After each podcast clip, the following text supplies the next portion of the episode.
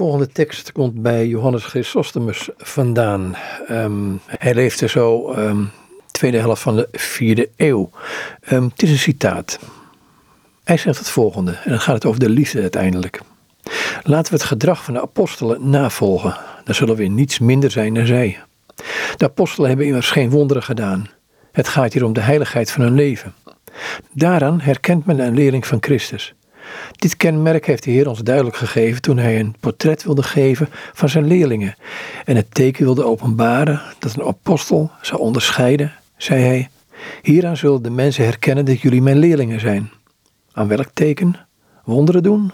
Doden laten verrijzen? Helemaal niet. Maar wat dan wel? Aan jullie liefde voor elkaar zal iedereen zien dat jullie mijn leerlingen zijn. De liefde is geen wonder, maar een werk.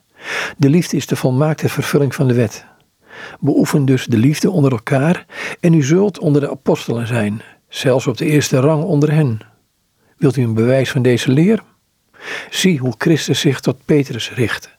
Petrus, heb je mij meer lief dan de anderen?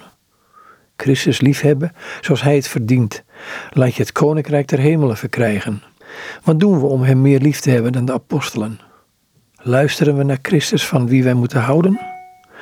Als je meer van mij houdt dan van hen, wees de herder over mijn schapen.